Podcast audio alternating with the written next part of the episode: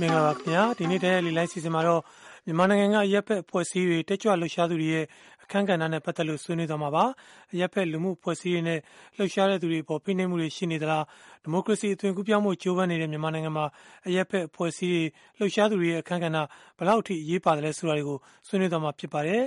ဆွေးနွေးပွဲအတွက် ပင်နိုင်ဆွေးနွေးဖို့ ကျွန်တော်တို့ ဖိတ်ခေါ်ထားသူနှုတ်ရှိပါတယ်ဟို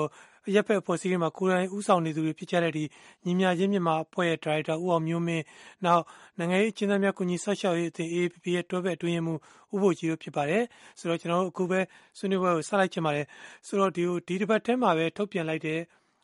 ရက်ဖက် လူ ခွင့်ရေးလှုပ်ရှားမှုဖွဲ့ Civic Cast ရဲ့ အစီရင်ခံစာမှာတော့ဒီမြန်မာနိုင်ငံဟာ အရက်ဖက်လူမှုဖွဲ့စည်းရင်းနဲ့ဟိုတက်ကြွလှုပ်ရှားသူတွေအပေါ်မှာဖိနှိပ်မှုတွေ ရှိနေစေနိုင်ငံဖြစ်နေသတ်မှတ်ထားပြီးတော့စစ်ဆိုးရဲ့ လက်ထက်က အခြေအနေမျိုးတော့ဥတည်နေပြီဆိုပြီးတော့လည်း သတိပေးထားပါတယ် ဆိုတော့ဟိုဒါနဲ့ပတ်သက်လို့ကျွန်တော်ကိုဘိုကြီးကလည်းဒီအရက်ဖက်ဖွဲ့စည်းမှာ ကိုယ်တိုင်ကိုကြဥဆောင်ပါဝင်နေတဲ့ ပုံကိုတယောက်အနေနဲ့ တကယ်ပဲ ဒီလိုအခြေအနေမျိုးတွေကိုဥတည်နေတဲ့ အခြေအနေမျိုးတွေ ရှိနေသလား ကိုဘိုကြီးအရင်ဆွေးနွေးပြပါအောင်ခင်ဗျ ဟုတ်ကဲ့ ကျွန်တော်တို့ဒီမြန်မာနိုင်ငံထဲမှာရက် ရက်ဘက်လူအဖွဲ့အစည်းတွေမှာအထူးသဖြင့်တော့ဒီငြိမ်းချမ်းစွာလှုပ်ရှားနေတဲ့လှုပ်ရှားမှုတွေကိုတော့ဥပဒေရဒီတင်းကျပ်မှုတွေပို့ပြီးတော့ရှိလာတာမျိုးကိုကျွန်တော်တို့တွေ့ရတယ်။နောက်အဲ့လိုပဲဒီမှတ်ပုံတင်တဲ့အခါမျိုးတွေမှာလည်းဒီသူတို့ဒီအစိုးရဘက်အထူးသဖြင့်တော့ပြည်ထောင်ဝန်ကြီးဘက်ကနေပြီးတော့သူတို့စဉ်းစားထားတာကလူမှုရေးဆန်တဲ့အဖွဲ့တွေကိုပဲမှတ်ပုံတင်ပေးပြီးတော့ကျန်တဲ့လူခွင့်ရေးဆန်တဲ့အဖွဲ့တွေကိုမှတ်ပုံတင်နေတဲ့အခါမှာတော့အတော်လေးကြံ့ကြံ့နေတာတွေကိုကျွန်တော်တို့တွေ့ရတာမျိုးတွေရှိပါတယ်။ဒါတွေကတော့ဥပဒေရတင်းကျပ်တဲ့ဟာမျိုးတွေဥပမာတချို့ဆိုလို့ရှိရင်ငြိမ်းချမ်းစွာလှုပ်ရှားနေတဲ့အဖွဲ့အစည်းတွေဆိုလို့ရှိရင် ရန်ကုန်တိုင်းထဲမှာတော့မှနေရာတချို့ကအခုချိန်ဒီလွတ်လပ်စွာဆန္ဒပြတဲ့ကိစ္စမျိုးတွေကိုလောက်ခွင့်မပေးဘဲနဲ့တားဆီးတာမျိုးတွေလည်းရှိရတယ်။နောက်အဲ့လိုပဲတက်ကြွလှုပ်ရှားနေတဲ့သူတွေနောက်တက်ကြွကြွဒီလွတ်လပ်စွာပြောဆိုဆွေးနွေးမှုတွေအတွက်လည်းထောင်သွင်းချင်းချခံနေရတာမျိုးတွေလည်းရှိပါတယ်။ဒီအခြေအနေကိုကြည့်တယ်ဆိုရင်တော့ကျွန်တော်တို့ကနည်းနည်းလေးစိုးရင်စရာရှိတဲ့အနေအထားမှာရှိတယ်လို့သုံးသပ်လို့ရမှာပါ။ ဟုတ်ကဲ့ဆိုတော့ဒီစစ်ဆိုးရလက်ထက်မှာတော့ဒီနိုင်ငံရေးပဲဖြစ်ဖြစ်လူမှုရေးပဲဖြစ်ဖြစ်ပေါ့လေသူတို့ ਨੇ ဟိုစန့်ကျင်နေထင်လို့ရှိရင်လက်ခံလေးမရှိတာထုံးစံပေါ့လေဒါပေမဲ့အခုကအယက်သားအစိုးရဒီဒီမိုကရေစီအခွင့်အရေးတွေအတွက်ကြိုးပမ်းခဲ့တဲ့အစိုးရလက်ထက်မှာပါဒီလိုပုံစံမျိုးဖြစ်နေတာကဟိုအဓိကဘာကြောင့်လဲဘာတွေကိုစိုးရိမ်နေကြလို့လဲဆိုတော့အဓိကကတော့ကျွန်တော်တို့မြန်မာနိုင်ငံမှာရသားအစိုးရဖြစ်လာတဲ့ဆိုပေမဲ့မြန်မာနိုင်ငံရဲ့ဂျန်နီယာကိုထိန်းချုပ်နေတာကစစ်တပ်ကထိန်းချုပ်နေတာလို့ကျွန်တော်တို့ပြောလို့ရပါတယ်။သူတို့ပြထွေအုပ်တို့ရဲတို့ထောက်လန်းရေးတို့ ဒီလိုအဓိကကြတဲ့ဒီဘီရိုကရေစီယန္တရားကစစ်ဆိုးရလက်ထက်မှာပဲရှိစစ်ဆိုးရလက်အောက်မှာပဲရှိနေတာကိုကြည့်ခြင်းအပြင်မြန်မာနိုင်ငံကစစ်အစိုးရကပဲဆက်ပြီးတော့အုပ်ချုပ်နေတယ်စစ်အစိုးရကပဲစီမံခန့်ခွဲမှုတွေအများစုကိုလုပ်နေတယ်လို့ကျွန်တော်တို့သုံးသပ်လို့ရပါတယ်။ဒါကြောင့်မို့ဒီလိုအတွေးအခေါ်တွေပြောင်းဖို့ဆိုတာကလည်းဒီလိုလူတွေပါပြောင်းမှကျွန်တော်တို့အတွေးအခေါ်ပါပြောင်းလို့ရမှာပါ။နောက်ဒီလိုလူတွေကိုမပြောင်းနိုင်သေးဘူးအစိုးရကဘီရိုကရေစီယန္တရားကိုမခံတွယ်နိုင်ဘူးဆိုလို့ရှိရင်တော့ကျွန်တော်တို့ဒီဟာတွေကိုပြုပြင်ပြောင်းလဲဖို့တော့အရင်ဟိုစူးစမ်းရအောင်ပါပါ။ ဟုတ်ကဲ့ဆိုတော့နောက်နောက်တစ်ချက်ကရော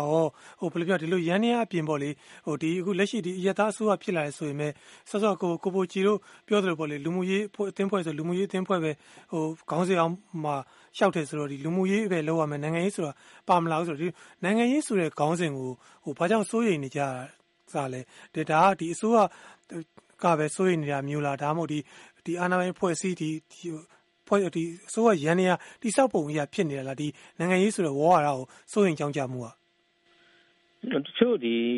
လွတ်လပ်စွာပြောဆိုခွင့်ဆိုတော့ကိုအတိတ်ပဲဖွင့်ဆိုတဲ့အခါမှာတော့နားလည်မှုတွေလိုရနေတာမျိုးတွေတော့အများကြီးရှိနေနိုင်ပါတယ်။ဆိုတော့ဥပမာအမေရိကန်နိုင်ငံမှာလွတ်လပ်စွာပြောဆိုခွင့်ကိုအတိတ်ပဲဖွင့်ဆိုထားတဲ့ပုံစံကတစ်မျိုးဒီအာနာရှင်ဆန်ဆန်နိုင်ငံတွေမှာလွတ်လပ်စွာပြောဆိုခွင့်ကိုအတိတ်ပဲဖွင့်တဲ့ပုံစံကတစ်မျိုးဖြစ်နေတာမျိုးကိုကျွန်တော်တို့တွေ့ရတယ်။အထူးသဖြင့်တော့ဒီအစိုးရဘိုင်းတွေလွှတ်တော်ဘိုင်းတွေနောက်ဒီ တကယ်လုံခြုံရေးတာဝန်ယူရတဲ့စစ်တပ်ပိုင်းတွေပေါ့တမလို့ကောင်းဆောင်မှုတွေသူတို့ရဲ့နားလည်မှုကအစိုးရကိုဝေဖန်တယ်ဆိုလို့ရှိရင်ဒါကအစိုးရကိုအကြည်ညိုပြအောင်လုပ်တာဆိုတော့စဉ်းစားချက်မျိုးကိုသူတို့တော်ပြီးစဉ်းစားတယ်မျိုးတွေ့ရတယ်။ဥပမာအမေရိကန်မှာဆိုလို့ရှိရင်တော့ဒီအမေရိကန်သမ္မတဒေါ်နယ်ထရန့်ကိုဆဲပဲဆဲသူ့ပုံစံသူ့ပုံကိုကျွန်တော်တို့ရုပ်တုလုပ်ပြီးတော့ကံပဲကံကံဒီလိုမျိုးပြောဆိုတာတွေကိုအမေရိကန်မှာတော့ခွင့်ပြုလာတာမျိုးတွေရှိတယ်။နောက်ရှောင်းတခွင်ဟို သတင်းမပို့ဘဲနဲ့ဒီဆန္ဒပြတဲ့အခါမှာလည်းအမေရိကန်လိုနိုင်ငံမျိုးနောက်ဒီမိုကရေစီနိုင်ငံမျိုးတွေမှာတော့ဖမ်းဆီးလို့မရှိပါဘူး။ဆိုတော့မြန်မာနိုင်ငံလိုနိုင်ငံမျိုးမှာတော့ဟိုပုံမှန်၁၈တို့ဒီ16တို့နဲ့ဖမ်းဆီးနေတာမျိုးတွေအခုချိန်ကြီးရှိနေတော့ပါပဲ။ဆိုတော့အခါကျတော့ဒီခေါင်းဆောင်ပိုင်းတွေအနေနဲ့ကလည်းဒီမိုကရေစီရဲ့တန်ဖိုးတွေကိုပို့ပြီးတော့လေ့လာဖို့လိုအပ်တယ်လို့ကျွန်တော်တို့ထင်တယ်။ဟုတ်ကဲ့ပါကိုဘိုကြီးဆွေးနွေးပြတာကျေးဇူးပါ။အဲကျွန်တော်အခုဒီဆွေးနွေးပွဲအတွက်ကိုဟိုဖိတ်ခေါ်ထားတဲ့ဥအောင်မျိုးမင်းကတော့ကျွန်တော်တို့ဆက်သွယ်လို့လောလောဆယ်မရသေးတဲ့အတွက်ကျွန်တော်တို့ဒီကျွန်တော်ဆွေးနွေးပွဲမှာပါဝင်ဖို့ဆက်သွယ်ထားတဲ့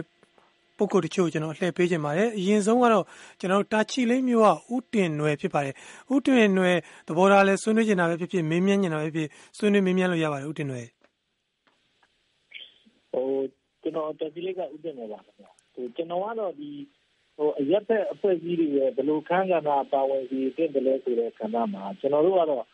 လက်ရှိကျွန်တော်ကြုံတွေ့နေရတဲ့ဟိုတတုတူဖို့ရေးကဏ္ဍနဲ့ကျွန်တော်တို့ဒေသမှာကြုံတာနဲ့ပတ်သက်လို့ပဲကျွန်တော်ဆွေးနွေးကြပါတယ်ခင်ဗျာ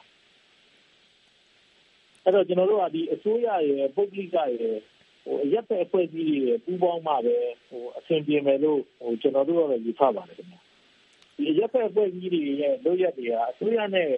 ဟိုပုဂ္ဂလိကလုပ်ငန်းရှင်တွေကိုပြည်သူနဲ့ဟိုစိတ်တိုက်တွေ့အောင်ဆောင်ရွက်နေတာမျိုးတွေကိုကျွန်တော်တို့ဘက်တွေမှာတွေ့ကြရတယ်ခင်ဗျာ ဒီရက်ဖက်အဖွဲ့အစည်းတွေကိုဒီရက်ဖက်အဖွဲ့အစည်းဆိုတဲ့ CSO အဖွဲ့တွေကိုကျွန်တော်တို့ကဟိုဖိနှိပ်တာမဟုတ်ဘဲနဲ့ဒီသူတို့လုပ်ထုတ်လို့မှားတဲ့အခါကျတော့ဒီအစိုးရနဲ့ဒီပုဂ္ဂလိကလုပ်ငန်းရှင်တိုင်းမှာအဆင်မပြေတာတွေတွေ့ရပါတယ်ခင်ဗျာဟိုတန်ဇာတာအတူတူပေါ်မှုဆိုင်ရာမှာပြင်းလင်းမြင်သာစွာနဲ့ဒီအရက်ဖက်ဖွဲ့စည်းတွေကကျွန်တော်တို့နဲ့ဒီပူးပေါင်းဆောင်ရွက်ဖို့လိုပါတယ်ခင်ဗျာသူတို့ကလက်ရှိအချိန်တွေမှာတော့ဒီပြည်သူကိုနောက်ွယ်ကနေပြီးတော့မြောက်ပင့်ပေးပြီးတော့ မလုတ်တင်မလုတ်တိုက်တဲ့အလုပ်တွေလုပ်တယ်လို့ကျွန်တော်တို့တော့မြင်ပါတယ်ခင်ဗျာဟုတ်ကဲ့ဒါဖွဲ့စည်းနဲ့လုပ်ငန်းရှင်တွေကိုနောက်ပြီးတော့ဒီဒုတိယဖွဲ့စည်းကလုပ်ငန်းရှင်တွေနဲ့အစိုးရကိုပြည်သူနဲ့ထိတ်တိုက်တွေ့အောင်တွေးတိုးမြောက်ပင့်ပြီးတော့ဆောင်ရွက်နေတဲ့ခါကျတော့ဒီပုဂ္ဂလိကနဲ့အစိုးရမှာအခက်အခဲတွေတွေ့ဆုံပါတယ်တွေ့တွေ့သေးတာပေါ့ဗျာဥပမာအဖြစ်တော့ကျွန်တော်ဒီပချီလေးမျိုးနယ်နဲ့တန်လင်းရှိကြမှာဆိုရင်ဒီတန်လင်းသစ္စာလိုလေသမားအလုပ်သမားဖွဲ့စည်းတွေနောက်တစ်ခါ လေသမားသမဂ္ဂတွေပြည်တော်တဲ့ဖွဲ့စည်းတွေကတော့အဲဒီအစိုးရနဲ့ပူးပေါင်းတာတွေလုပ်ငန်းရှင်တွေပူးပေါင်းတာတွေမဟုတ်ဘဲနဲ့ဒီကြဆောင်ရွက်တဲ့ခါကျတော့သူတို့လုပ်ရက်တွေကကျွန်တော်တို့ဒီမှာတော်တော်ခက်ခဲဖြစ်နေပါတယ်ခင်ဗျဟုတ်ကဲ့ဦးတင်ရွယ်ဒါတော့ဦးတင်ရွယ်ဒီလုပ်ငန်းရှင်တူတွေနဲ့ CSO တွေနဲ့တွေ့ရတဲ့အတွေ့အကြုံအခက်ခဲဟိုပြောသွားတာ ကျေးဇူးပါဆိုတော့ကျွန်တော်ဒါနဲ့ပတ်သက်လို့ကိုဘိုချီကိုပြန်ဆွေးနွေးစေချင်ပါတယ်ဆိုတော့ဒီလိုကျွန်တော်တို့ဒီအရက်ဖက်အဖွဲ့အစည်းတွေတိုင်းပြည်တွေမှာအားကောင်းလာဖို့လိုရလိုရဆိုရင်လည်းပဲတစ်ဖက်မှာစောစောကပြောသလိုပေါ့လေပြဿနာကိုပိုကြီးထွားအောင်အားပေးသလိုအခြေအနေမျိုးတွေရောဖြစ်လာနိုင်တဲ့အနေမျိုးတွေရှိနေသလားကိုဘိုချီဆွေးနွေးပြပါဦးခင်ဗျာအဓိကတော့ကျွန်တော်တို့အစိုးရရဲ့လုပ်ငန်းရှင်တွေရဲ့ပေါ့ဒီကပွင့်လင်းမြင်သာမှုတွေရှိဖို့လိုပါတယ်လုပ်ငန်းတစ်ခုခုကိုမလုပ်ခင်ပါတဲ့ကိုက ဒီလုပ်ငန်းတစ်ခုလုပ်လာလို့ရှိရင်ဘယ်လိုအကျိုးကျေးဇူးတွေရမယ်စိုးကောင်းကျိုးရပါတယ်လေစိုးကျိုးရပါတယ်လေဒါတွေကိုပြည်သူလူထုကိုသိချင်ချာရှင်းပြတာဖို့လိုပါတယ်အဲ့ဒါကိုပြည်သူလူထုကသိချာနားလေတယ်ဆိုလို့ရှိရင်တော့ဘလို့အဖွဲ့အစည်းပြောရပဲဟိုတိုက်တွန်းတိုက်တွန်းပြည်သူလူထုကလောက်မှာမဟုတ်ပါဘူးဆိုတော့ဒီရက်ဘက်အဖွဲ့အစည်းတွေဆိုတာကလည်းပြည်သူလူထုရဲ့အတန်ကိုပုံစားပြတာပါပြည်သူလူထုကသဘောမကျဘူးဆိုလို့ရှိရင်တို့ကသဘောမကျတဲ့အတန်ကိုလိုက်ထွက်မှာပါဒါပေမဲ့ကျွန်တော်တို့ကရက်ဘက်အဖွဲ့အစည်းဆိုတာအစိုးရနဲ့လုပ်ငန်းရှင်တွေထိခိုက်အောင် အကျိုးစီးပွားပြတ်အောင်တော့လုပ်နေတာမဟုတ်ဘူးပို့ပြီးတော့အကျိုးစီးပွားရှိအောင်နှစ်ဦးနှစ်ဖက်ပေါ့အစိုးရရောဒီလုပ်ငန်းရှင်ရောဒီပြည်သူရောပေါ့အကျိုးရှိအောင်လို့တက်နိုင်သမျှတော့ကြားခံဆောင်ရွက်ပေးနေတဲ့အဖွဲ့ပဲဖြစ်ပါတယ်နောက်တစ်ခုကဒီအရက်ဖက်အဖွဲ့အစည်းတွေကိုမလိုလားတာကအာဏာရှင်အစိုးရတွေအာဏာရှင်တွေကတော့မလိုလားပါဘူးဒါကြောင့်မလို့လေကျွန်တော်တို့နိုင်ငံမှာဆိုလို့ရှိရင်1962ခုနှစ်တက်မတော်ကအာဏာလွှဲယူပြီးတဲ့ဆိုဆိုတဲ့အချိန်တွေကကျောင်းသားသမဂ္ဂကိုဘုံခွဲပစ်ခဲ့တာပေါ့ဒါကဒီအရက်ဖက်အဖွဲ့အစည်းတွေရဲ့ တန်ဖိုးရက်ဖက်အဖွဲ့အစည်းတွေရဲ့လုံလုံအားကိုသူတို့ကောက်ကောက်သိတယ်ဒါကြောင့်မို့ရက်ဖက်အဖွဲ့အစည်းတွေကိုသူတို့ကနှိမ်နှင်းဖြစ်တယ်သက်ပြတယ်ဒီလိုအခြေအနေမျိုးကနေပြီးတော့အခုချိန်မှာရက်ဖက်အဖွဲ့အစည်းတွေကပြန်ပြီးတော့ရှင်သန်မှုအတွက်ရုန်းကန်နေရတဲ့အခြေအနေဖြစ်ပါတယ်ဒီလိုအခြေအနေမျိုးမှာတော့နားလည်မှုလွဲတာလေးတွေရှိနိုင်ပါတယ်အဲ့ဒါတွေကိုကျွန်တော်တို့ကညှိနှိုင်းမျိုးဖြေရှင်းရမယ်သေချာတာကအရက်ဖက်အဖွဲ့အစည်းဆိုတာကတိုင်းပြည်ရဲ့နားနဲ့မျက်စိပါ ရက်ဖက်အဖွဲ့အစည်းဆိုတာကတိုင်းပြည်ရဲ့ကြံသူမဟုတ်သလိုအစိုးရရဲ့ကြံသူလည်းမဟုတ်ပါဘူးအဲ့လိုပဲရက်ဖက်အဖွဲ့အစည်းတွေကလည်းအစိုးရကိုအမြဲတမ်းဆန့်ကျင်နေမှာမဟုတ်ဘူးပြုပြင်ပြောင်းလဲသင့်တယ်လို့ထင်တဲ့ဟာမျိုးတွေမှာပဲကျွန်တော်တို့ကရက်ဖက်ဖွဲ့စည်းကဝင်ပြောနေတာပါ ဟုတ်ကဲ့ကိုဘိုကြီးဆွေးနွေးရကျေးဇူးပါဆိုတော့ကျွန်တော်တို့ဒီညီမရင်းမြန်မာဒါရိုက်တာဦးအောင်မျိုးမင်းလည်းအခုကျွန်တော်တို့ဆက်သွယ်လို့ရပါပြီလေလိုင်းမှာရှိနေပါတယ်ဆိုတော့ကိုမျိုးမင်းကျွန်တော်တို့အစောပိုင်းမှာတော့ဟိုကျွန်တော်ကိုဘိုကြီးကိုတော့ဟိုအချင်းချင်းသုံးသက်ချက်ကျွန်တော်အနေနဲ့မေးထားပါတယ်ဆိုတော့ကျွန်တော်ဒီဒီဘက်ထဲမှာထုတ်လိုက်တဲ့ထုတ်ပြန်လိုက်တဲ့ရက်ဖက်လူခွင့်ရေးလှုပ်ရှားမှုဖွဲ့ဒီ Civic Cast ရဲ့အစီရင်ခံစာမှာဒီမြန်မာနိုင်ငံကရက်ဖက်လူမှုဖွဲ့စည်းနေတဲ့တက်ကြွလှုပ်ရှားသူတွေအပေါ်မှာဖိနှိပ်မှုရှိနေတဲ့နိုင်ငံဖြစ်တဲ့မြန်မာနိုင်ငံကိုသတ်မှတ်ထားပါတယ်နောက်ပြီးတော့ဒီစစ်ဆိုးရဲ့လက်ထက်ကအခြေအနေကိုဥတည်နေပြီဆိုပြီးတော့လည်းသတိပေးထားတာရှိပါတယ်ဆိုတော့ဟိုကိုအောင်မျိုးမင်းကလည်းတကယ်တော့ဒီရက်ဖက်အဖွဲ့အစည်းတစ်ခုဥဆောင်ပြီးတော့လှုပ်ရှားနေတဲ့ပုံကိုယ်တူဖြစ်တယ်ဆိုတော့တကယ်အခုသူတို့စိုးရင်တယ်လို့ပေါ့လေမြန်မာနိုင်ငံမှာဒီလိုအခြေအနေမျိုးဥတည်နေတဲ့အခြေအနေမျိုးတွေတကယ်ပဲရှိနေလားခင်ဗျဟုတ်ကဲ့လက်ရှိမြန်မာနိုင်ငံအခြေအနေပြောမယ်ဆိုရင်တော့ဒီတက်ကြွလှုပ်ရှားသူ activist တွေ defender တွေတူးချင်းပေါ်မှာတက်ရောက်မှုရှိသလိုဒီအရက်ဖက်လူမှုအဖွဲ့အစည်း movement တစ်ခုလုံးလှုပ်ရှားမှုတစ်ခုလုံးပေါ်မှာတက်ရောက်မှုတွေကတော့ရှိတာတွေ့ရပါတယ်ကျွန်တော်ဒီ အစိုးရတက်တက်ချင်းမှာကျွန်တော်တို့ဒါပြည်သူတွေကကြားရကနေပြည်သူတွေနဲ့နော်ထိစပ်မှုရှိတော့ပြည်သူအတန်ကိုနားထောင်တော့အစိုးရအဖြစ်ကျွန်တော်တို့ပြောင်းလဲချက်တွေကျွန်တော်တို့ရှိတယ်။အစပိုင်းမှာလည်းကျွန်တော်တို့တွေးဆုံဆွေးနွေးမှုတွေတော်တော်များအားကောင်းခဲ့တယ်။ဒါပေမဲ့နောက်ပိုင်းမှာကျွန်တော်တဖြည်းဖြည်းနဲ့အရက်ဖက်လူမှုအဖွဲ့အစည်းတွေပေါ်မှာအရင်ကတည်းကန့်သက်မှုလေးတွေရှိလာတာတွေ့ရပါတယ်။ ဥပမာကျွန်တော်တို့တွေ့ရတဲ့အခြေအနေဆိုရင်ဒီအသင်းအဖွဲ့မှတ်ပုံတင်ခြင်းဆိုင်ရာဥပဒေပေါ်ပေါက်ခဲ့တဲ့နောက်ပိုင်းမှာအသင်းအဖွဲ့တွေကကျွန်တော်တို့မဖြစ်မနေမှတ်ပုံတင်ရမှာမလိုဘဲနဲ့မှတ်ပုံတင်လဲရတယ်မတင်လို့ရှိရင်လှုပ်ရှားနိုင်တယ်ဆိုတဲ့ပုံစံမျိုးဒါမျိုးကျွန်တော်တို့ရှိခဲ့တယ်ဒါပေမဲ့အခုနောက်ပိုင်းမှာကျွန်တော်တို့ဘာတွေကြုံတွေ့ရလဲဆိုတော့လွှတ်တော်အပါအဝင်တချို့သောအစိုးရဌာနတွေမှာ ဥပဒေကဘယ်လောက်ပြောသည့်တိုင်အောင်ဒီဒေတာနာလှုပ်ရှားမှုတွေမှာအဖွဲ့အစည်းရဲ့မှတ်ပုံတင်ရှိမှအဖွဲ့အစည်းကဒီလိုမျိုးလှုပ်ဆောင်မှုတွေကအစိုးရကအတိမတ်ပြုထားတဲ့အဖွဲ့အစည်းဖြစ်မှဆိုရယ်တင်းကျပ်မှုတွေရှိလာတယ်အဲတော့အရင်တော့သွားထားတဲ့လမ်းကြောင်းထက်ဆလို့ရှိရင်ကျွန်တော်တို့ပို့ပြီးတော့တင်းကျပ်မှုတွေရှိလာတယ်အထူးသဖြင့်ကျွန်တော်တို့ဒီကရားပြည်နယ်နဲ့မန္တလေးတိုင်းမှာဆိုလို့ရှိရင်အသင်းအဖွဲ့တွေလှုပ်ဆောင်မှုတွေကိုလှုပ်ဆောင်မယ်ဆိုရင်ခွင့်ပြုချက်ရမှလှုပ်ဆောင်ရမယ်ဆိုတော့ကြီး ညာချက်တွေထွက်လာတယ်ဒါဆိုလို့ရှိရင်ကျွန်တော်တို့အရင်တုန်းကပုံစံတိုင်းပဲပြန်ပြီးတော့သွားနေတယ်ဒါကိုလည်းထောက်ပြကြတာရှိပါတယ်နောက်တစ်ခုကကျွန်တော်တို့ခွင့်ပြုချက်ယူရမယ်ဆိုတဲ့လှုပ်ဆောင်မှုအပိုင်းလှုပ်ဆောင်တဲ့ချိန်မှာလည်းမလူလားအပ်တဲ့အချက်လက်တွေအထူးသဖြင့်ပြောဆိုမဲ့သူတွေရဲ့အာကိုရေးရာဇဝင်တွေပညာရေးချင်းတွေတကယ်ကိုအရန်ကိုဟိုရှုပ်ထွေးနေနေပြီးတော့ဖြည့်ဖို့အတွက်ခက်ခဲတဲ့ပုံစံမျိုးတွေဖြစ်နေတာတချို့ဆိုလို့ရှိရင်ခွင့်ပြုချက်ကို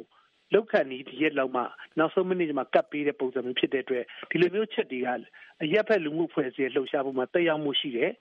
ခုန report ထဲမှာပြောသလိုပဲကျွန်တော်တို့ဟိုပွင့်လင်းမြင်သာတဲ့ကာလကိုရောက်ပြီးမှနည်းနည်းလေးပြန်ပြီးတော့တင်းကျပ်မှုအခြေအနေကိုပြန်လည်နောက်ဆုတ်သွားတဲ့အခြေအနေမျိုးတော့ရှိနေတာတွေ့ရပါတယ်ဗျဟုတ်ကဲ့ဆိုတော့ဒီအရင်တော့စစ်ဆိုးရဲ့လက်ထက်မှာတော့ဒီဖိနှိပ်မှုတွေရှိတယ်ဆိုတော့လူတိုင်း သဘောပေါက်ပါတယ် ဒါပေမဲ့ အခုကဟိုဟိုပြည်သူလူထုက ရွေးချယ်တင်မြှောက်တဲ့ တကယ်ဒီမိုကရေစီ အခွင့်အရေးတွေအတွက်ဟိုကြိုးပမ်းပါမယ်ဆိုတဲ့ အစိုးရလက်ထက်မှာ ဒီလိုပုံစံတွေ ဆက်ဖြစ်နေရတာရော ဘာကြောင့်များလဲ အဓိက ဘာတွေကို စိုးရင်ချက်တွေကြောင့် ဒီလိုပုံစံတွေ တွေ့နေရတာလဲ ကိုအောင်မြင်မယ်စိုးရင်ချက်ကတော့ ကျွန်တော် ပြောမယ်ဆိုလို့ရှိရင် ဒီ နိုင်ငံရေးမတည်ငြိမ်မှုကိုဖန်တီးလိုတယ်ဆိုတဲ့သူတစုရှိပါတယ်ဆိုတဲ့စိုးရင်ချက်ဖြစ်မယ်နောက်တစ်ခါလက်ရှိအစိုးရကိုအချက်တဲဖြစ်အောင်ဖန်တီးလှုပ်ဆောင်နေသောလှုပ်ရှားမှုတွေရှိမယ်ဆိုတဲ့စိုးရင်ချက်ကလာတယ်လို့ကျွန်တော်ယူဆပါတယ်အားလုံးသိတဲ့အတိုင်းပဲကျွန်တော်တိုင်းပြည်မှာငကူအရှိပြီးသားနိုင်ငံရေးပြဿနာတွေတဲ့ပုံမှုရှုပ်ထွေးအောင်လုပ်နေတဲ့အခြေအနေမျိုးရှိတယ်အဲ့တော့ဒါကိုစိုးရင်ပြီးတော့တင်းကျပ်ဖို့အတွက်စူးစမ်းစူးစမ်းရင်းနဲ့ ဒီလှုပ်ဆောင်နေတဲ့သူတွေမကတော့ပဲနဲ့ဒီအမောက်ပြောကလှုပ်ဆောင်နိုင်မကပဲနဲ့အရက်ဖက်လူမှုအဖွဲ့အစည်းတစ်ခုလုံးရဲ့လှုပ်ရှားမှုပေါ်မှာမျက်စိတပွဲမေးဆူပြီးတော့စောင့်ကြည့်တဲ့အရာမျိုးတွေကန့်သက်မှုတွေဖြစ်လာတယ်အဲ့တော့ဒါကပြောမယ်ဆိုလို့ရှိရင်တော့ဟိုတူတယောက်ကိုကြောက်ပြီးလှုပ်ဆောင်မှုကြောင့်ရပ်ဖက်လူမှုအဖွဲ့အစည်း movement တစ်ခုလုံးကိုထိခိုက်မှုတွေဖြစ်ပါတယ်အဲ့တော့တီစဲဥပဒေကအရေးယူလို့ရပြီမဲ့ဒါကိုအရေးမယူဘဲနဲ့ဒီလိုမျိုးအရက်ဖက်လူမှုအဖွဲ့အစည်းရဲ့အခြေခံလွတ်လပ်ခွင့်တွေဖြစ်တဲ့ပြောဆိုခွင့်တွေ ငင်းညဲစွာနဲ့ကျွန်တော်တို့ဒီလှုပ်ရှားသွားလာခွင့်နေပြည်သူအစိုးရအပေါ်မှာလိုအပ်ချက်တွေကိုကျွန်တော်တို့ဟိုဝေဖန်ထောက်ရှုပိုင်ခွင့်နေအားလုံးကိုအားလုံးသွားပြီးတော့ကျင်းကျက်လိုက်တော့ကျွန်တော်တို့မှာဟိုအနေရရှိတဲ့သူခုနလိုတိကျအနေရဖြစ်အောင်လှုပ်ဆောင်မဲ့သူတွေကိုထိတဲ့ဟာမဟုတ်မျိုးမဟုတ်ပဲနဲ့အရက်ဖက်လူမှုဖွဲ့စည်းတစ်ခုလုံးရဲ့လှုပ်ရှားမှုတစ်ခုလုံးသွားထိခိုက်တဲ့ပုံစံမျိုးလည်းဖြစ်နေတာဒါကဟို ထုတ်ရတခြားရှာတယ်လို့ဖြစ်တဲ့ပုံစံမျိုးလည်းဖြစ်နေပါတယ်ခင်ဗျဟုတ်ကဲ့စောစောဒီအစောပိုင်းမှာဒီကိုမျိုးမင်းနဲ့ဆက်သွယ်မရခင်မှာပေါ့လေကျွန်တော်တို့ဒီဆွေးနွေးဖို့ကျွန်တော်တို့ဆက်သွယ်ထားတဲ့ပုံကိုတယောက်ကဟိုထောက်ပြသွားတာရှိပါတယ်သူကတော့ဒီတာချီလိတ်ဘက်ကနေလုပ်ငန်းရှင်တူပါသူကြုံခဲ့ရတဲ့အတွေ့အကြုံကိုသူကပြောတာပါတခါလေကျတော့တဲ့သူဘက်သူတို့နယ်တွေဘက်မှာပေါ့လေဒီဒီရက်ဖက်လူမှုဖွဲ့စည်းတွေကဟို သူတို့လှုပ်ဆောင်မှုပေါ့နော်သူပြောတာတော့နောက်ွယ်နေမြောက်ပင်ပေးတဲ့အတွက်တချို့ဒီအလုပ်သမားရေးလယ်သမားရေးလှုပ်ရှားတဲ့သူတွေနဲ့တချို့ဒီလုပ်ငန်းရှင်တွေကြားမှာနားလည်မှုလွဲတာမျိုးတချို့ပြဿနာပေါ်နိုင်တဲ့အခြေအနေမျိုးတွေကြုံရတတ်တယ်ဆိုတော့ဒီလိုပေါ့လေဒီလိုရက်ဖက်ဖွဲ့စည်းအားကောင်းလာဖို့ကျွန်တော်တို့အရေးကြီးတယ်ဆိုရင်လည်းတစ်ဖက်မှာဒီလိုပြဿနာကြီးလာနိုင်တဲ့အားအားပေးရရောက်တဲ့အခြေအနေမျိုးတွေရောကြုံနိုင်တဲ့အန်ဒီတွေမရှိနိုင်ဘူးလားကောမျိုးမျိုးဒါမျိုးကတော့ကျွန်တော်တို့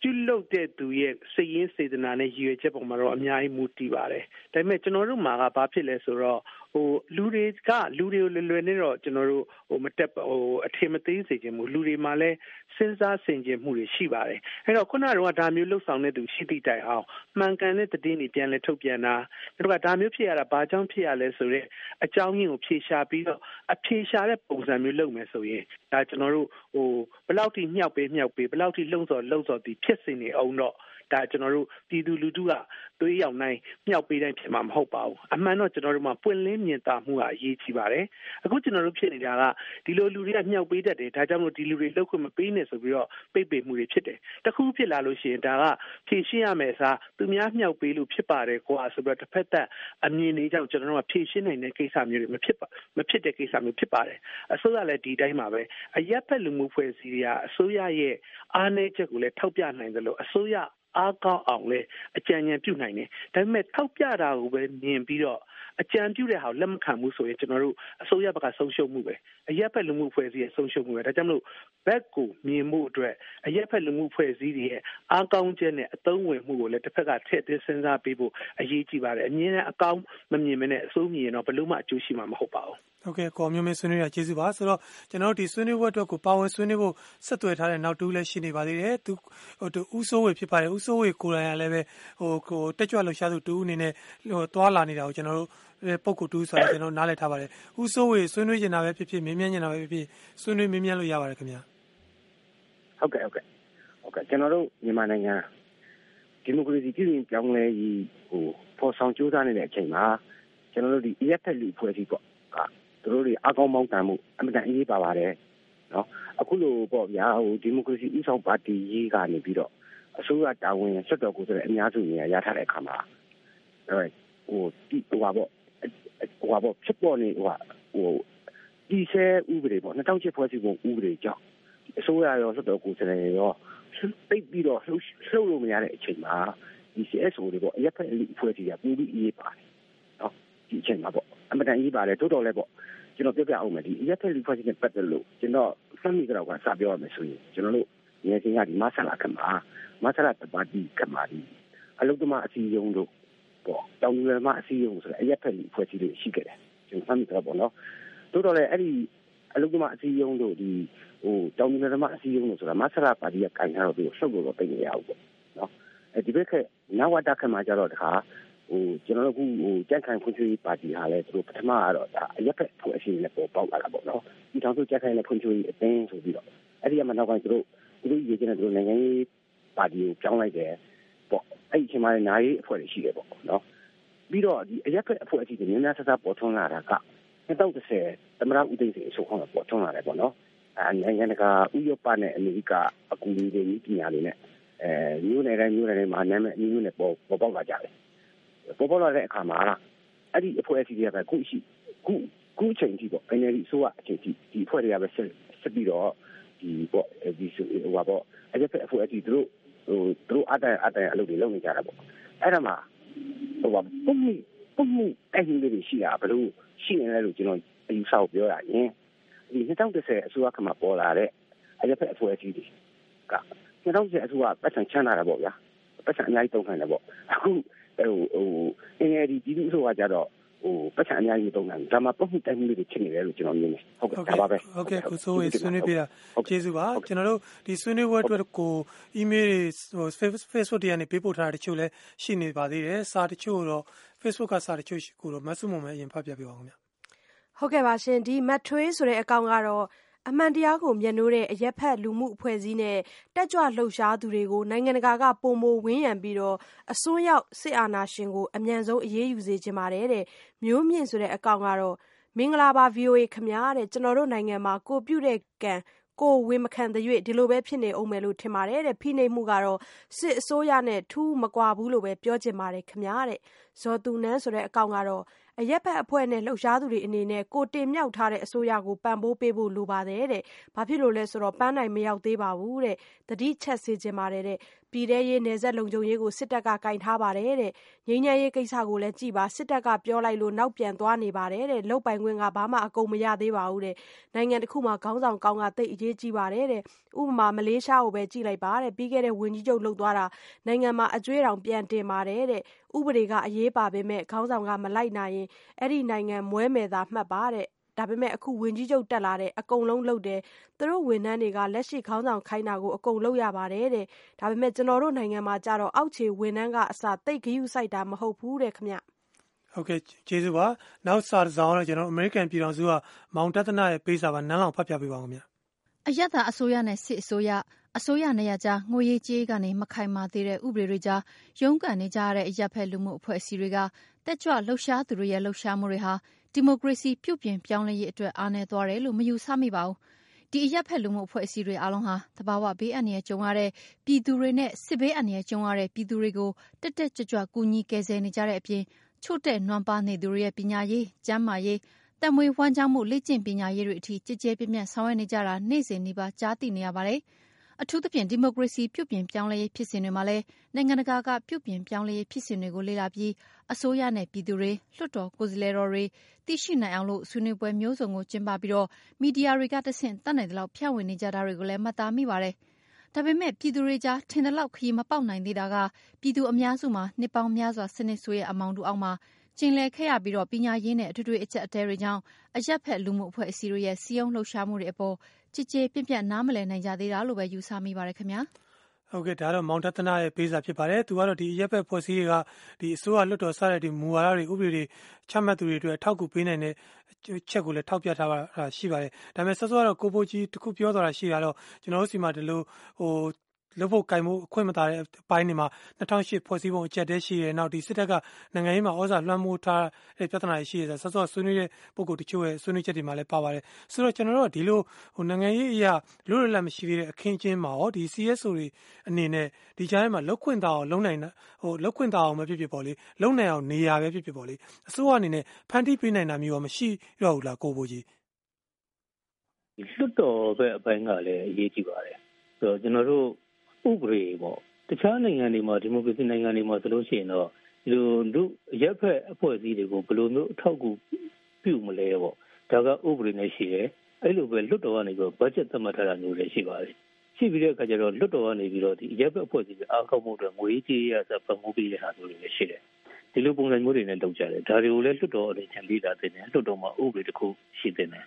အဲ့လိုပဲဘတ်ဂျက်ကိုလည်းတည်တံ့ထားသင့်တယ် နောက်တချို့ဒီဇဲဥပဒေတွေကိုအများဆုံးပြုပြင်ပြောင်းလဲဖို့လိုတဲ့ဟာတွေလည်းရှိပါတယ်ဥပမာ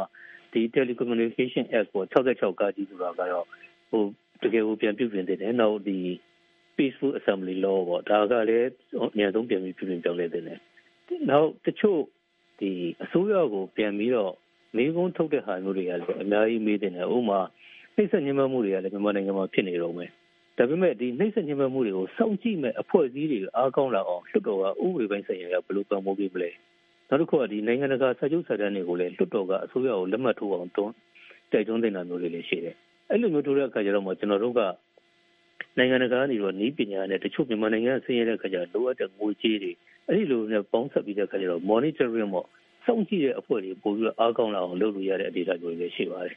အဲ့လိုမျိုးတရားဝင်ဖြစ်လာအောင်လွှတ်တော်ဘက်ကလည်းဥပဒေတွေနဲ့လုပ်ပေးတဲ့အခါကျတော့မှရပ်ဘက်အဖွဲ့အစည်းတွေကပို့ပြီးတော့အားကောင်းလာမယ်အစိုးရနဲ့လည်းပို့ပြီးတော့ဒီ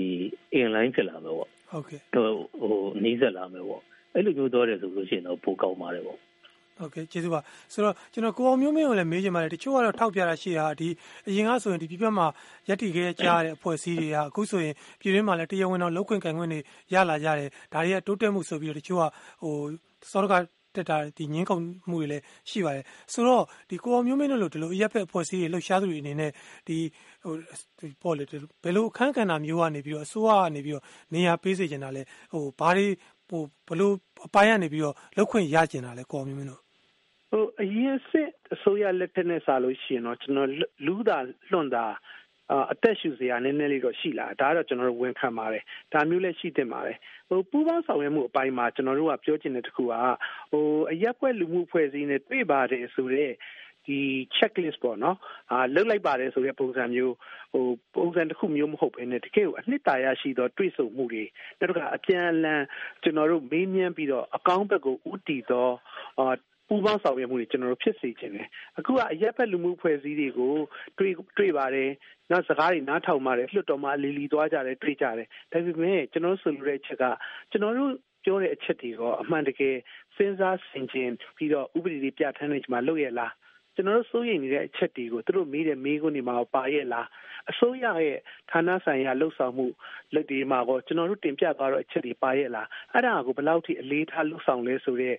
dialogue အပြင် ကျွန်တော်တို့ခုနဒီလေးစားသောအတိမတ်ပြုမှုတွေဒါကပူပေါင်းဆောင်ရွက်မှုအပြင်ဒါတွေပို့ပြီးတော့လိုချင်ပါတယ်ခင်ဗျ။ဘာတပတ်မဟုတ်ပဲနဲ့အရက်ဖက်လူမှုဖွဲ့စည်းနေတွေ့လိုက်ပါတယ်။တတနေ့တနေ့ဒါမှမဟုတ်တနေ့တနေ့ဘယ်နည်းရောက်ဘယ်နှခါတွေ့ပါတယ်ဆိုတဲ့ဟာမျိုးမဟုတ်ပဲနဲ့တွေ့လိုက်တဲ့အပေါ်မှာဘယ်ဟာကိုထည့်သွင်းပြီးစဉ်းစားလဲဘယ်ဟာကအကျိုးရှိလို့ယူလိုက်လဲဆိုတော့တက်တည်ပြเสียရှိတော့အကျိုးပြုမှုကိုကျွန်တော်တို့တကယ်အမှန်တကယ်ဖော်ဟုတ်ကဲ့ ဆောင်နိုင်ပြီးတော့လှုပ်ဆောင်နိုင်တဲ့ပုံစံမျိုးတွေရှိဖို့ကပိုအရေးကြီးတယ်လို့ကျွန်တော်ရလက်တခုထွက်လာတဲ့ဆွေးနွေးမှုမျိုးဖြစ်စေခြင်းတဲ့သဘောပေါ့နော်ဆိုတော့ပါဝင်ဆွေးနွေးပြီးတဲ့ဥအောင်မျိုးမင်းဥပိုလ်ကြီးကိုယ်တိုင်ပါဝင်ဆွေးနွေးရတဲ့သူတွေစာရေးသားပေးဖို့သူတွေနဲ့တောတာရှင်တွေအားလုံးကိုအထူးပဲကျေးဇူးတင်ပါတယ်ခင်ဗျာ